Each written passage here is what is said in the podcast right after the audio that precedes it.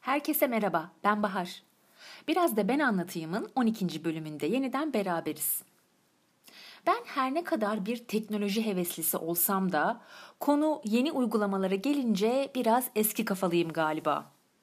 Çünkü ne zaman yeni bir uygulama çıksa biraz uzak duruyorum. Hatta uzak durmaktan da öte hiç yaklaşmıyorum. Örneğin Clubhouse çıktı, hiç ilgimi çekmedi. Nedir, ne yapıyorlar bilmiyorum. Aynı şey 6 sene önce Snapchat'te de yaşandı. İsmini duyuyordum ama amacı neydi, ne yapılıyordu inanın bilmiyordum. Sonra o zamanki iş arkadaşlarım çok eğlenceli olduğunu, benim de indirmem gerektiğini söylediler. Ben de indirdim. Ama indirdiğim gün bu nedir arkadaş abuk subuk deyip sildim. Henüz 20'li yaşlarımda bile çok yaşlıydım. Tabii daha sonra Instagram'a story özelliği geldi. Ben ve ben daha da anladım hani Snapchat'in ne işe yaradığını ancak ilgimi çekmemeye devam etti. Ta ki 5 ay öncesine kadar. Biliyorsunuz pandemide sevdiklerimizle görüşemiyoruz ve sık sık görüntülü konuşmalar yapıyoruz. 5 ay önce ablam 4 yaşındaki kızımla konuşmak için dedi ki Bahar Snapchat'ten konuşalım eğleniriz. Böyle komik komik filtreler var dedi. Konuşurken onları kullanırız. Ee, benim de tabii ki aklıma işte kedi, köpek filtreleri geldi. Evet dedim benim kız bunu sever. İndirdim yine uygulamayı e, ve kızıma telefonu vermeden önce arama yapmaya çalışıyorum işte nasıl aranıyor, nereden aranıyor diye. Hiç bilmediğim bu uygulama ve ne menen bir şey anlamaya çalışıyorum.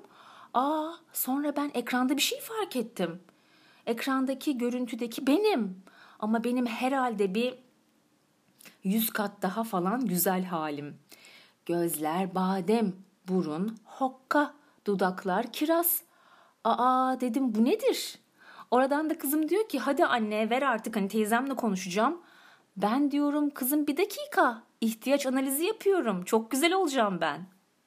Evet anlaşılacağı üzere güzellik meselesi part 2 başlıyor. Ben hayatım boyunca kendisiyle barışık birisi oldum.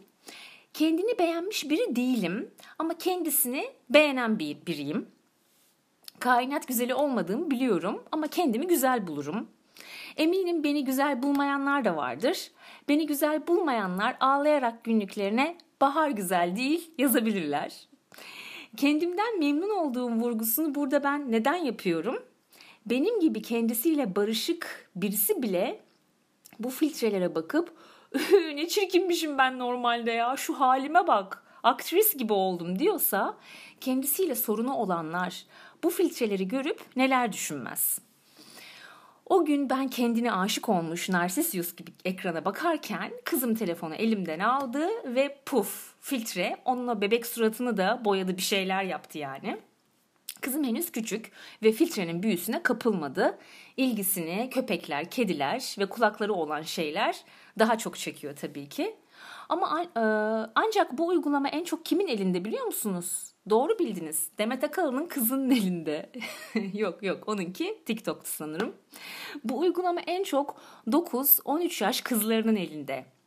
Yani ergenlik öncesi dönemdeki küçük kızların elinde ve bu kızlar bu filtreleri kendilerine uyguluyor. Filtreyi kaldırdıklarında e, geriye kalan ağızlarını, burunlarını, gözlerini hatta yanaklarını bile beğenmiyorlar. Ergenlik zaten filtresiz bir dünyada bile zor. Bu döneme kendini beğenmeme hakim zaten. Ve bu küçük kızlar estetikli dünyayla, bu filtreli dünyayla sizce de çok erken tanışmıyor mu?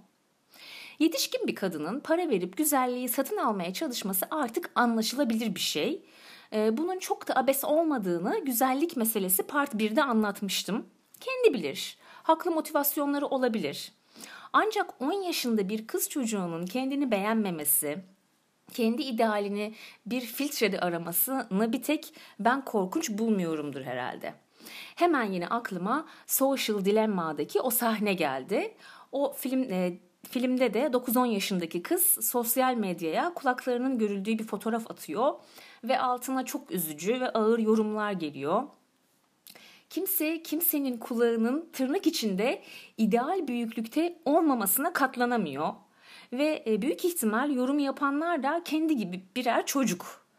Yani hayatı ufacık ufacık adımlarla deneyimlemeye henüz başlamış bu kız çocuklarının o kadar küçük yaşta dış görünüşlerinin hayatının e, odağında olması e, bence bir dramdır. Oysa ilk güzellikle ilgili bölümde bahsetmeye pek fırsat kalmamıştı ama şimdi söyleyeyim. Kendisiyle barışık insan güzeldir. Mutlu insan güzeldir. Sağlıklı insan güzeldir. Sevdikleriyle birlikte olan, sevdiği şeyleri yapan insan güzel, güzeldir. Bizim ufaklıklara herhalde bunu sık sık hatırlatmamız lazım. Bu arada elbette yetişmekte olan kız çocuklarına güzelliğin sadece kaş göz olmadığından bahsederken yetişkin kadınlara da bazı hatırlatmalar yapmakta fayda var. Güzellikle ilgili bu ikinci bölümü şimdiye bıraktığım için çok çok mutluyum.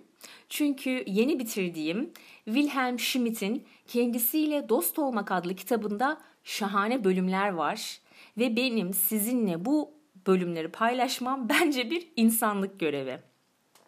Tanıl Boğra çevirisi aracılığıyla Wilhelm Schmidt şöyle diyor. Kendini olumlayabilen bir ben güzeldir. Birçok insan başaramaz bunu. Kendilerinde olumlamaya değer bir şey bulamazlar. Oysa güzellik mükemmelden eksik kalmakta değil midir zaten? Güzellik tezatlara ihtiyaç duyar.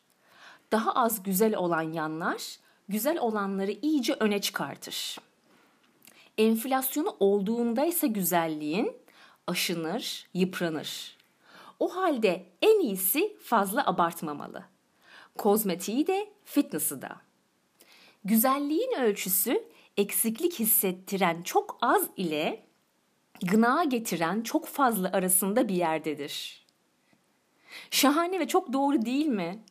İlk bölümde de bahsettiğim o kusursuz suratlardan, burunlardan ve dudaklardan bıkmadık mı? Ben artık mesela estetiksiz burunları daha çok beğendiğimi fark etmeye başladım. Sanırım William Schmidt'in gına geldi dediği yerdeyiz artık. Kitapta yine bir pasaj var ki bundan da alıntı yapmasam olmaz. Schmidt şöyle diyor. En dürüstü kuşkusuz iç güzelliktir. Işıltısı dışarıya vurur. Dışsal güzelliğin katkısı en fazla ilaveten onu vurgulamak olur. Orada güzelliğin derin kök salmışlığına ve ömür boyu dayanıklılığına kefalet eden bir bereketin tezahür edişini hissedersiniz. Bir insanın gösterdiği duygular ne kadar kendini zapt ederse etsin onun ruhunun zenginliğini fark ettirir. Dile getirdiği düşüncelerden ne kadar ima yoluyla olsa da zihnindeki hazineyi sezersiniz. Davranış tarzı ve edası, ifadelerinin hakikiliğine dair bir işarettir. İç güzellik bir insanın her türlü zafiyeti parıltıyla örtebilmesini ve hiç zorluk çekmeden ötekine bir köprü kurabilmesini sağlayan cazibenin de temelidir. Bu şahane pasaj bize bazı kadınları tüm e, ihtişamlı güzelliklerine rağmen neden güzel bulamadığımızın sebebini söylüyor. Ya da bir kirpiyi nasıl bu kadar zarif bulabilmemizin. Bu arada Muriel e, Barberi'nin Kirpinin Zarafeti romanına bir göndermede bulundum kesinlikle okuyun derim. Belki daha sonra o kitaptan da bahsederiz. Ee, burada bir düzeltme yapmak istiyorum. İlk bölümde Netflix'te bir e, dizi önermiştim sizlere. 100 People diye. Daha sonra baktım ben tabii bir sene olduğu için People diye aklımda kalmış. Dizinin ismi 100 e, Human. Humans. Bu düzeltmeyi yapmak istedim. E, mevzu derin ve kadınları öyle ya da böyle meşgul eden, kafasını kurcalayan ve bazen de üzen bir durum güzellik meselesi. Bu yüzden kişinin kendi içinde yaşadığı güvensizlikler bir yana bizler de bu duruma çanak tutmayalım. Mesela cidden artık birisinin kilosunu, kilosu hakkında, saçı hakkında yorum yapmayalım ya da illaki yorum yapacaksak ya şahane olmuşsun diyelim. Evet, bu bölümün de sonuna geldik. Bir sonraki bölümde görüşmek üzere. Kendinize iyi bakın, sağlıkla kalın. Bye.